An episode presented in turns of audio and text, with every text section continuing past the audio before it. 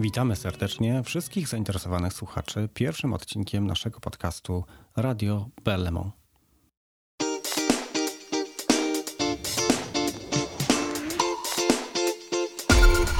Niniejszy podcast został przygotowany przez Stowarzyszenie Network.pl, które skupia polskich pracowników organizacji międzynarodowych. Stowarzyszenie nasze powstało w roku 2012 i od tego czasu nieprzerwanie promuje dobry wizerunek polskich pracowników w instytucjach europejskich oraz innych organizacjach międzynarodowych. W ten sposób próbujemy zachęcić oraz ułatwić drogę do tych organizacji polskim obywatelom. Poprzez niniejszy podcast chcielibyśmy przybliżyć Państwu, na czym polega praca w organizacjach międzynarodowych, jaka jest do nich droga i czy warto być urzędnikiem w Brukseli czy Genewie. Naszymi rozmówcami w kolejnych odcinkach będą nasi koledzy i koleżanki, którzy na co dzień współtworzą ład międzynarodowy i europejski oraz reprezentują Polaków w tych organizacjach. W ten sposób mamy nadzieję, że pogłębimy Państwa wiedzę na temat tego, co piszczy w trawie Brukseli, Luksemburgu, Genewie czy Nowym Jorku. Oraz być może zachęcimy wielu z naszych słuchaczy do ukierunkowania swojej kariery zawodowej właśnie w stronę tych organizacji. Ja nazywam się Michał Kubicki i dzisiaj będę Państwa gospodarzem. Zapraszam do audycji. European leaders have reached a breakthrough agreement on the EU's budget and coronavirus recovery fund, sealing a 1.8 trillion euro package in the early hours of this morning. Ladies and gentlemen, members of the Parliament. These were complex negotiations on very complex issues. We agreed on the recovery package and the European budget, and this moment, it's my conviction, is pivotal in European history. We acted fast and with urgency. In less than two months, we hammered out a deal of more than 1.8 trillion euros.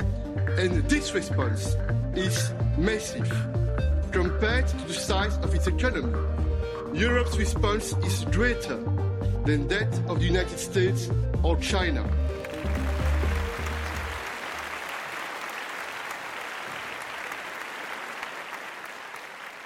To był Charles Michel, przewodniczący Rady Europejskiej, następca Donalda Tuska. W taki sposób przekazał europosłom wiadomość o osiągnięciu porozumienia pomiędzy szefami krajów członkowskich dotyczącego wieloletnich ram finansowych. A ze mną w studiu dzisiaj jest Grzegorz Radziejewski, koordynator i analityk polityki budżetowej w Dyrekcji Generalnej do Spraw Budżetu Komisji Europejskiej. Grzegorzu, dlaczego jest to taki moment historyczny? E, wszyscy, wszemi wobec ogłosili, że jest to mm, moment historyczny i pewnie mają sporo, e, sporo racji, bo e, przynajmniej mm, z kilku względów ta, ta, to porozumienie jest, jest wyjątkowe. Pierwszy, najbardziej zrozumiały, bo przemawiający do wszystkich, czyli liczby. Mm, mówimy tutaj o zgodzie na wydatki rzędu 1 biliona 800 miliardów euro, czyli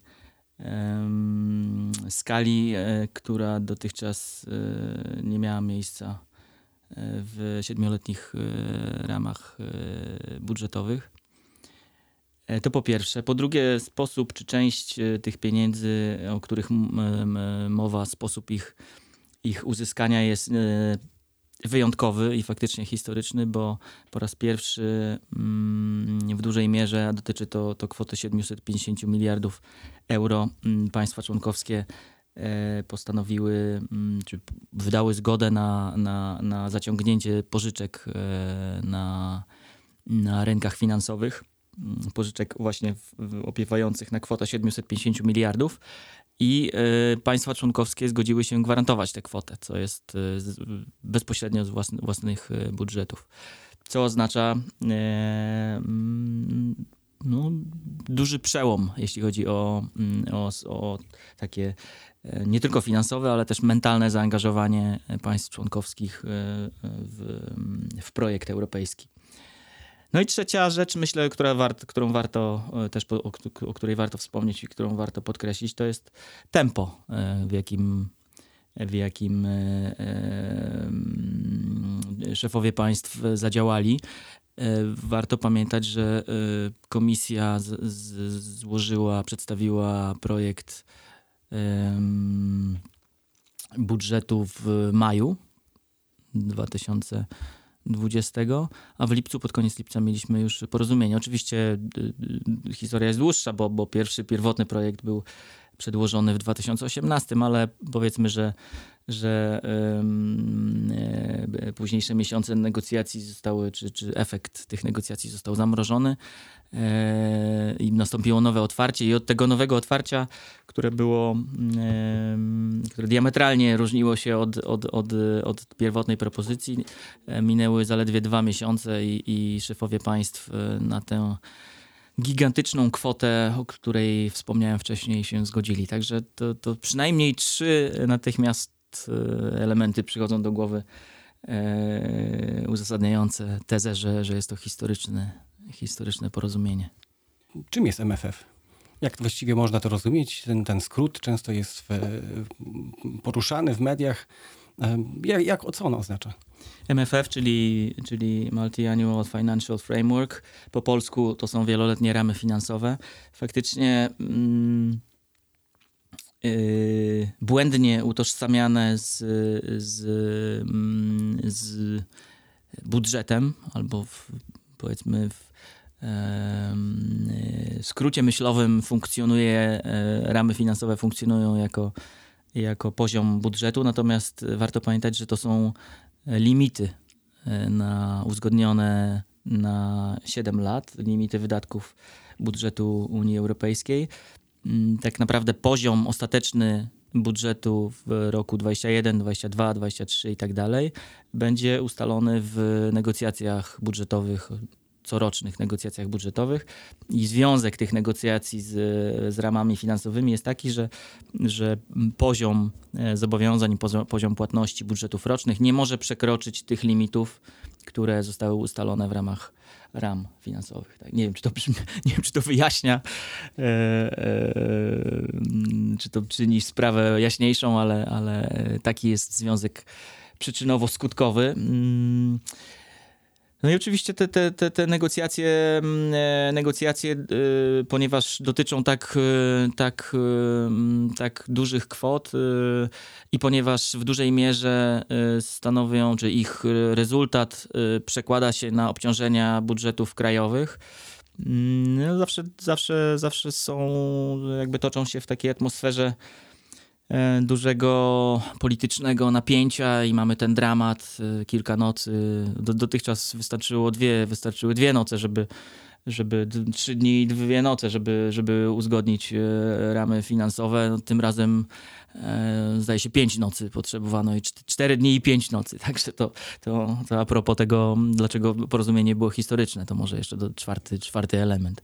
Faktycznie te, te, te, te negocjacje budzą dużo emocji, bo są takie E, po pierwsze namacalne, po drugie symboliczne, e, na po trzecie to wiadomo, że, że jednak nie, nic nie budzi większych emocji niż, niż, niż pieniądz, a w szczególności jeśli mamy jakby taką sytuację, mm, e, taką sytuację w świecie, w Europie, z jaką, jaką borykamy się aktualnie, czyli, czyli, czyli pandemia, kryzys i widmo tego, że w najbliższych latach będzie, będziemy musieli mm, mocno się gimnastykować, żeby, żeby, żeby, mm, żeby, żeby, te gospoda tak, żeby ta gospodarka, żeby rynek e, funkcjonował, funkcjonował jak, jak należy. Wspomniałeś, że procedura rozpoczyna się od tego, że Komisja Europejska przedstawia propozycję, pierwszą propozycję kształtu MFF Radzie i Parlamentowi.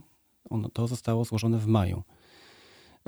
W takim razie, jak wyglądają, znaczy jak wygląda rola komisji i jak wyglądają prace nad, nad tym pierwszym projektem, zanim on zostanie złożony? No, bardzo dobre pytanie, bo y, tego nie widać, rzecz jasna. Y, te, te negocjacje z Radą, czy w Radzie, a potem negocjacje z Parlamentem, to jest mają sobie jakiś element takiego dramatu i, i, i, i są widoczne i, komentowane przez polityków, natomiast Natomiast zanim ta propozycja mm, e, e, zostanie przyjęta i przedłożona przez, przez komisję, e, wewnątrz komisji toczą się podobne negocjacje. Tym razem w, mm, biorą w nich udział przedstawiciele poszczególnych dyrekcji. Cała propozycja budżetowa w tym przypadku to obejmowała ponad 50 aktów prawnych dotyczących różnych dziedzin życia. I działając w pewnych ramach, y, jakby założeniach, y, nazwijmy to, mm, y, musimy oczywiście operować w ramach takich kwot, które byłyby, musimy przewidywać, co w negocjacjach pomiędzy Radą i Parlamentem może nastąpić i co jest do zaakceptowania, jaki ten limit jeśli chodzi o, o, o, y, o pułapy budżetowe, jak, jak, jak musimy być racjonalni, czyli, czyli, czyli, czyli, czyli na wejściu musimy mieć założenie, w jakich ramach działamy.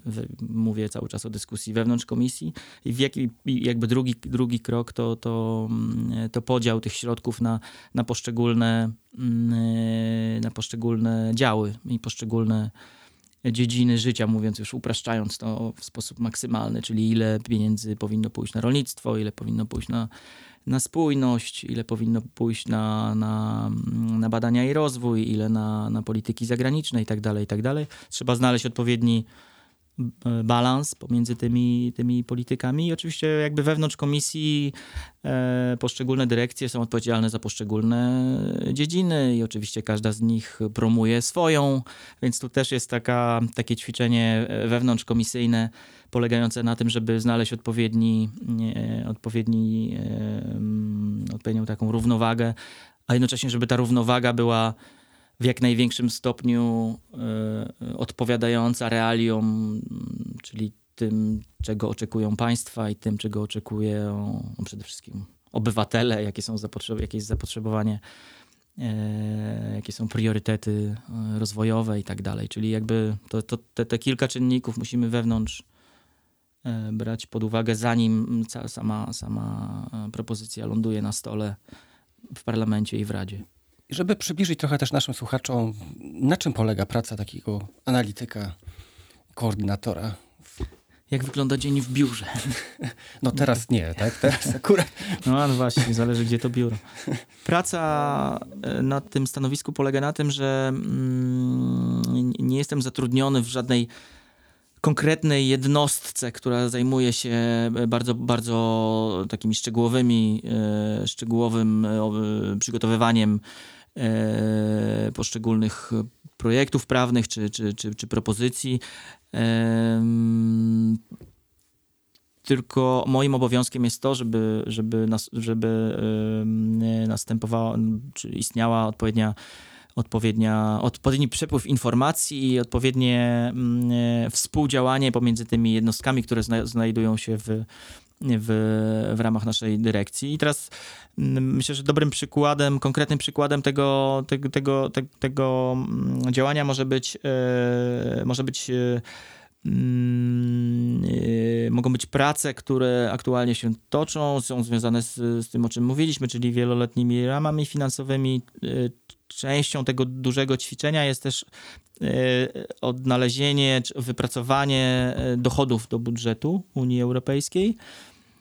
E, no i tutaj konkretny przykład jest taki, że szefowie państw e, i rządów zgodzili się, że, że dochodem, jednym z dochodów budżetu Unii Europejskiej będzie podatek cyfrowy. E, I teraz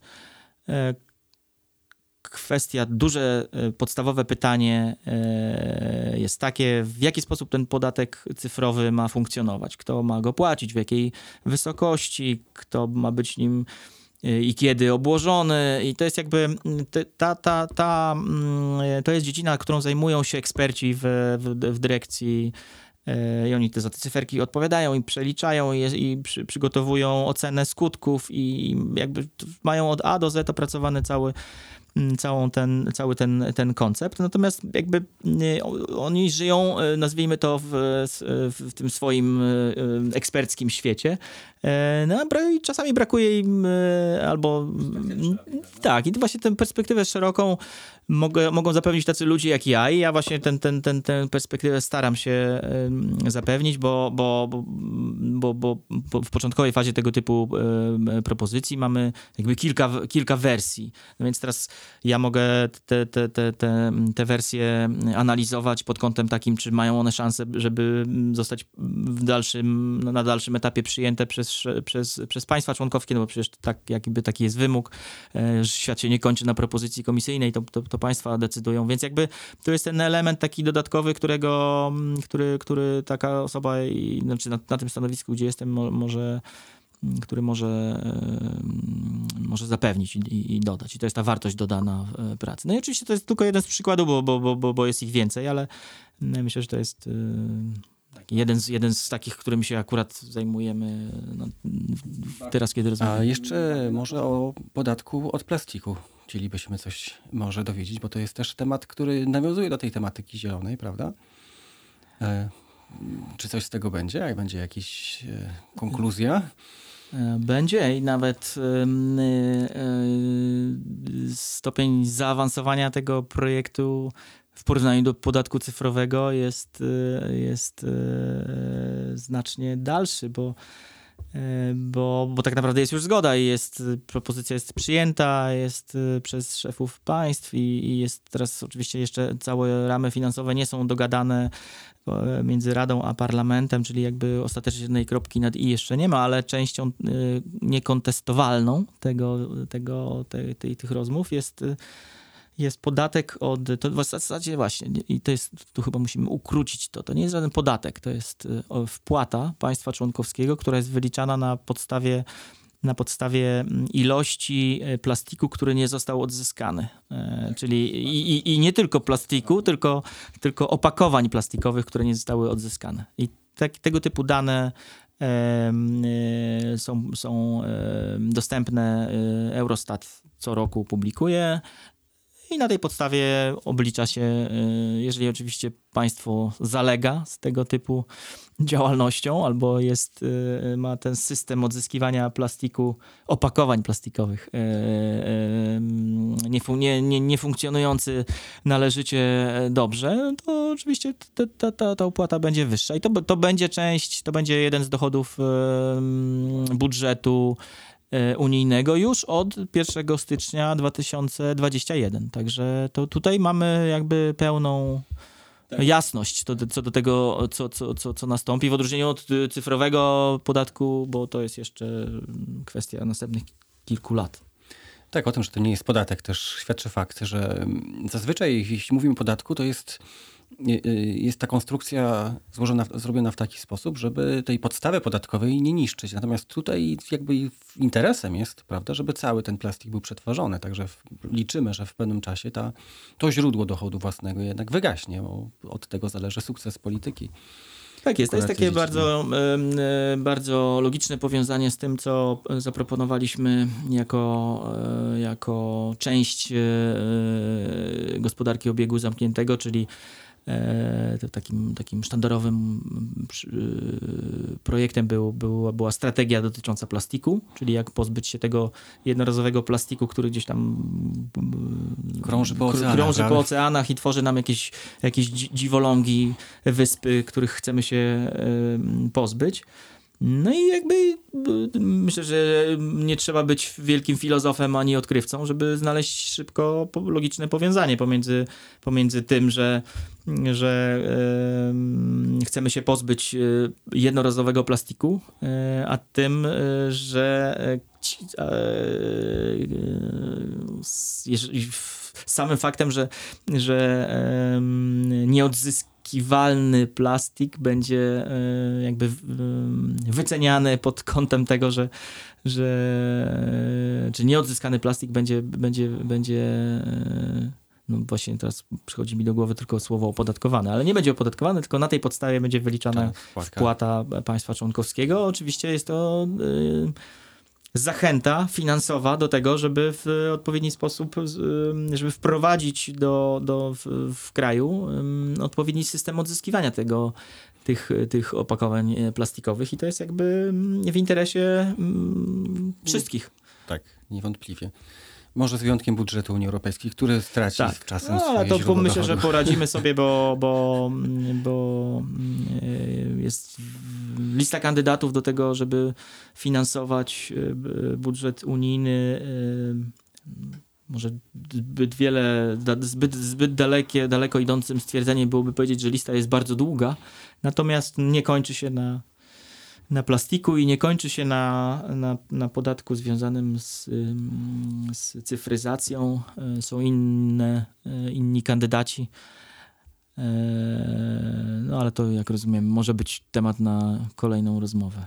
Ja bym chciał może teraz trochę przejść, e, Grzegorzu, jeśli pozwolisz, do tematu trochę bardziej osobistego, bo e, zanim, e, zanim e, trafiłeś do tego miejsca, gdzie te- teraz jesteś i zajmujesz się budżetem, em, no twoja droga w komisji no wiele, wiele już etapów przeszła, tak? Byłeś i w gabinetach, i w wiceprezydenta Katajnena, i u komisarza Lewandowskiego. Byłeś również na innych stanowiskach. Jak wyglądała Twoja droga do tego miejsca, w którym dzisiaj jesteś? I jakie, jakie miałbyś punkty, wyznaczyć jakieś takie punkty kluczowe w tej Twojej drodze? Ja tak naprawdę teraz jestem w, w dyrekcji do spraw budżetu i jest to, można rzec, powrót y, do mojego, mm, y, do, y, można powiedzieć, powrót do przeszłości. Y, Bo, mm, bo, ja, bo rozpocząłem y, pracę jeszcze w, y, pracując w polskiej administracji w Ministerstwie Finansów, i, i czyli jakby dokładnie odpowiednik y, w administracji krajowej, odpowiednik tej naszej dyrekcji y, do spraw budżetu w ramach, w ramach komisji. E, Będąc w Ministerstwie Finansów też zajmowałem się budżetem, e, budżetem e, unijnym. Nie tylko, bo, bo, bo pracowałem w, de, w departamencie, który, który, który obsługiwał negocjacje akcesyjne, czyli to były jeszcze te stare, zamierzchłe czasy. Więc miałem związek z, różnymi dziedzinami, tymi, które, za które odpowiadał minister finansów w ramach negocjacji ogólnych, czyli nie tylko budżet, ale też e, takie, e, e, takie dziedziny jak, jak, jak, jak usługi finansowe, czy, czy kontrola finansowa, cła, podatki.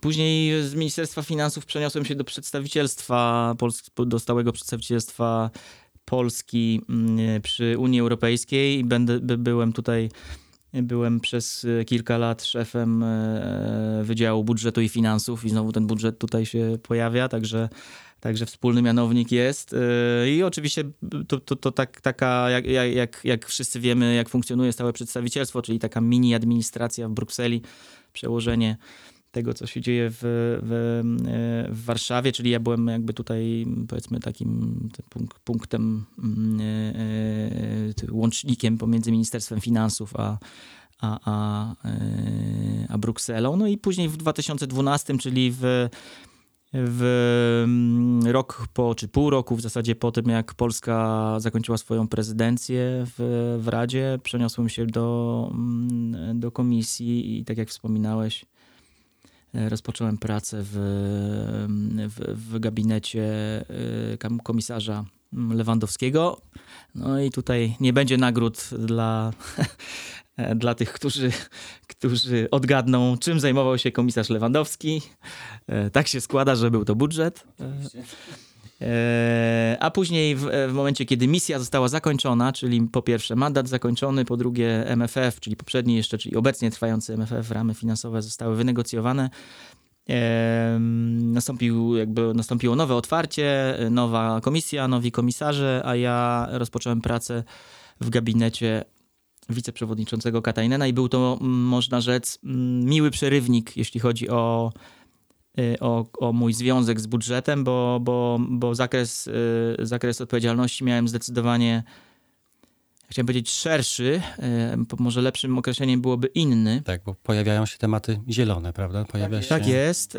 Po pierwsze to, to pojawiło się zupełnie inny rodzaj, pojawił, pojawił się zupełnie inny rodzaj pracy, który polegał na tym, że b- budżet jest jakby takim, to jest, to jest, to jest, to jest działanie, które jest ukierunkowane wewnątrz. E, horyzontalne ćwiczenie e, do wewnątrz, natomiast e, będąc pracując w gabinecie wiceprzewodniczącego Katajnena, który był odpowiedzialny za gospodarkę, żywą, realną gospodarkę, konkurencyjność, wzrost gospodarczy, miejsca pracy. E, My byliśmy mm, taką ekspozycją na zewnątrz. Mm, Czyli tutaj budżet e, te, też miałem jakby w swojej w, w, w zakresie swoich kompetencji, ale, ale faktycznie e, doszło wiele, wiele, tak, wiele, wiele, wiele mm, e, działań, które związane były z, z, z realną gospodarką. I faktycznie, e, żeby podać przykład e, bardziej konkretny, to, to, to promowaliśmy gospodarkę obiegu zamkniętego, czyli zielony wzrost, y, y, wszystko to, co, co, co było związane z, z zazielenianiem e, transportu, energii, o, czyli, czy- czyli, czyli, czyli ten, ten, dokładnie ten, te, te, ten, te, te, te polityki i te, te priorytety, e, które wciąż e, w komisji są promowane. No, no, chyba nawet bardziej tak naprawdę. Widać, że to była jednak wstęp do tego, co dzisiaj widzimy, prawda? I Tak, tak. Myślę, że można, można to śmiało tak określić. Po prostu myślę, że diagnoza była słuszna od, od lat e, kilku wstecz, e, że to jest właśnie tędy, to jest właśnie ta droga i tędy Europa powinna, powinna zmierzać, jeśli chce liczyć się na coraz bardziej konkurencyjnym, w tym, w tym coraz bardziej konkurencyjnym wyścigu światowym, w którym Chiny, Stany, i tego typu e, gracze nie biorą jeńców. E, Każdy musi znaleźć tam swoje przewagi i akurat jeśli chodzi o Europę, myślę, że to jest właśnie dokładnie ta, ta, ta ścieżka. I, i, i, myślę, że to jest jakby począt, to był początek, teraz też jest początek, bo, bo mówimy przecież o, o perspektywie 2050, o ne- neutralności klimatycznej, także, także to, to, to, to jest, wciąż jesteśmy na tym takim, na tym etapie startowym, nazwijmy to. Ostatnia może już kwestia, ponieważ e, na naszemu stowarzyszeniu Network.pl, które bardzo aktywnie działa i wspiera wszystkich polskich obywateli w ich drodze do, do właśnie do organizacji międzynarodowych, i zależy nam, żeby jak najbardziej e, promować e, taką karierę wśród Polaków i żeby jak najwięcej tych osób z naszego kraju do, do tych organizacji trafiło. E, Dzięki temu wydaje nam się, że te organizacje będą lepiej realizowały swój mandat poprzez to, że będą bardziej reprezentatywne. Co byś doradził dzisiaj młodym osobom, które em, może chciałyby, ale nie do końca wiedzą, w jaki sposób e, do, tego, do tego się zabrać?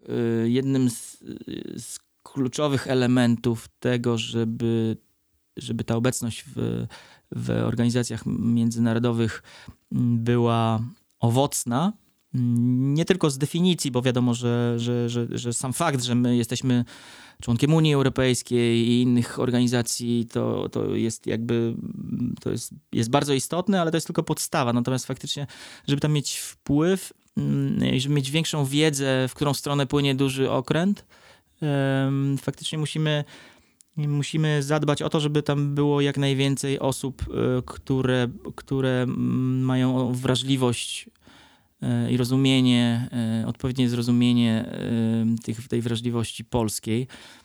Nie tylko po to, żeby przekazywać, co się dzieje tam w Polsce, lepiej niż to zrobi ktokolwiek inny, ale też w drugą stronę, żeby przekazywać w Brukseli, w Strasburgu, w Genewie czy gdziekolwiek indziej to, czym, jaka jest specyfika k- kraju pod tytułem Polska. I mm, faktycznie co, co, co należy, co, co, co, co można by radzić? To, są, to, jest moje, to jest moja ja taką, ja często biorę udział w, w em, akcji, którą mamy, to się nazywa Back to School, czyli urzędnicy tacy jak jak ja wybierałem się do swoich szkół, więc ja w tej swojej szkole w czwartym liceum ogólnokształcącym w Olsztynie opowiadam, że tam siedziałem w tej ławce i e, że, że zawsze sobie myślałem, że, że, że byłem bardzo zainteresowany tym, żeby żeby jak, e, jak wygląda świat poza Polską i jak wyglądają te relacje pomiędzy krajami, jak wyglądają inne kultury i jak e, można ciekawie skonfrontować różne poglądy z ludźmi, którzy władają innymi językami, więc trzeba by się tych języków poduczyć. I tego typu motywacje zawsze gdzieś tam w głowie miałem. E, I zawsze tych uczniów, jeżeli jestem w LO4 w Olsztynie czy gdziekolwiek indziej, zachęcam do tego, żeby dokładnie sobie w ten sam sposób pomyśleli. A jeśli. Pozdrawiamy przy tej okazji wszystkich uczniów z LO4, nie tylko, może tych, o których śpiewał. E, kto śpiewał o częstochowskim LO4? Czwarte liceum ogólnokształcące? No właśnie, Muniek, czyli w Częstochowie LO4 też. To jest myślę start, bo to jakby bez tego nie da się, to możemy sobie bujać w obłokach, natomiast e, troszkę trzeba się e, przyłożyć. E, natomiast jak chodzi o możliwości, jak już się człowiek trochę przyłoży na tym starcie, jak chodzi o edukację, to możliwości mam, teraz jest mnóstwo.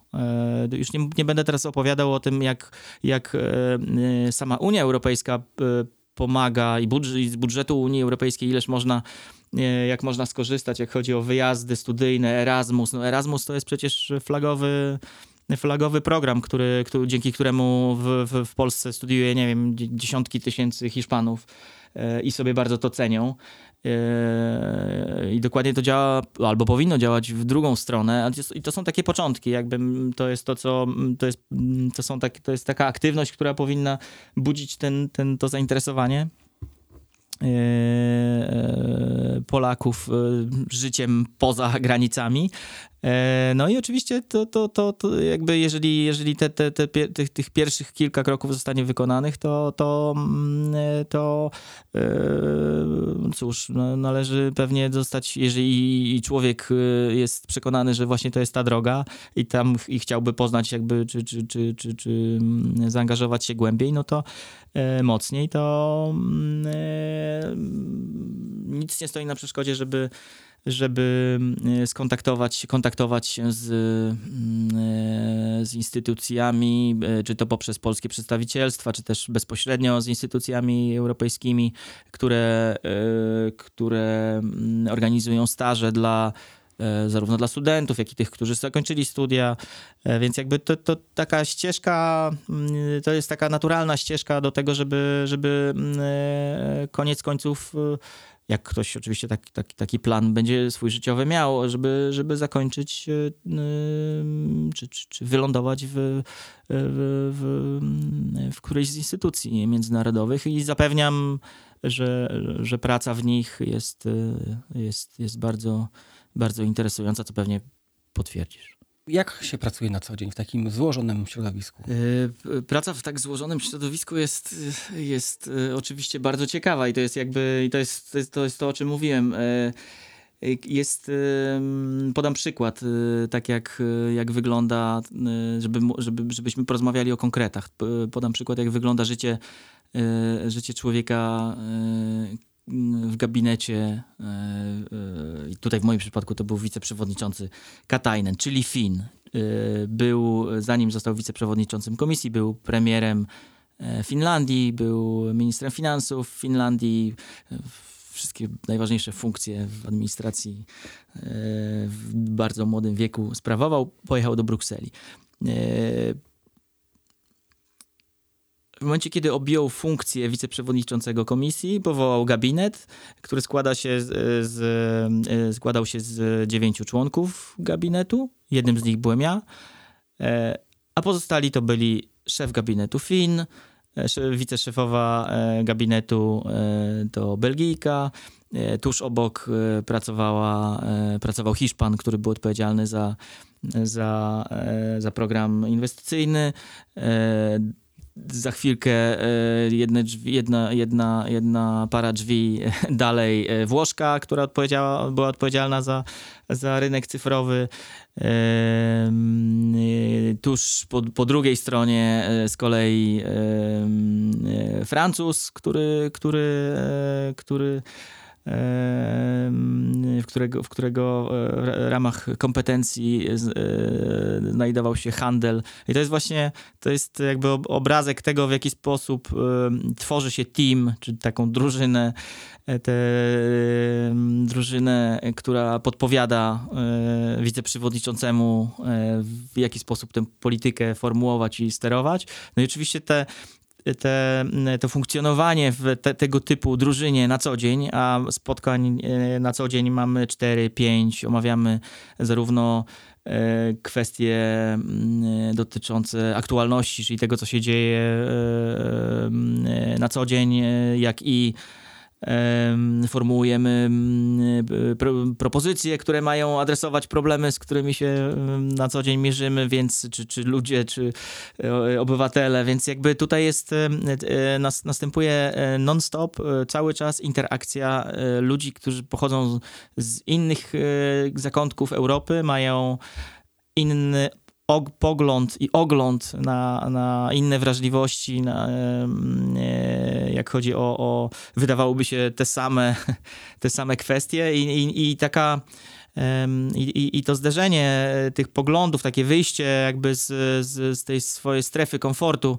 e, to jest właśnie ta wartość, którą, którą praca w, w, w środowisku międzynarodowym niesie, bo, bo, bo, bo po prostu człowiek się wielu rzeczy jest w stanie e, bardzo szybko nauczyć. To jest taka, to jest taka, mm, to jest, tak, to, jest taka szkoła, to jest takie otwieranie oczu e, i człowiek sam się nie może nadziwić, jak, e, jak wielu e, wielu rzeczy nie mógł się, jak wielu kwestii nie mógł sam się, do, do, nie, mógł, nie mógł sam się domyśleć, albo nie mógł sam do nich dojść i, i, i, i e, potrzeba jest właśnie takiej konfrontacji kilku poglądów i kilku punktów widzenia po to, żeby wypracować ten taki złoty, złoty środek i to, to jest właśnie ta wartość, wartość, z której korzystają politycy. Właśnie w tym przypadku to, to był wiceprzewodniczący e, wspomniany Katajnen, z którym notabene praca to, to, była, to była czysta przyjemność, dlatego że, że, że to właśnie dokładnie ta, na, na tym polegało, na takiej wymianie taki ferment intele- intelektualny, który, e, który, który mam nadzieję prowadził do konkretów I tym optymistycznym akcentem myślę, że możemy już przejść do zakończenia naszej rozmowy. E, Serdecznie Ci dziękuję Grzegorzu za to, że spędziłeś z nami czas. E, Wszystkie osoby, które pragną dowiedzieć się więcej o pracach naszego stowarzyszenia, zapraszamy do polubienia naszego profilu na Facebooku oraz odwiedzenia naszej strony internetowej. Jeśli jesteś pracownikiem organizacji międzynarodowej i chciałabyś lub chciałbyś dołączyć do nas, to serdecznie zapraszamy. Więcej informacji na naszej stronie internetowej www.network-pl.org.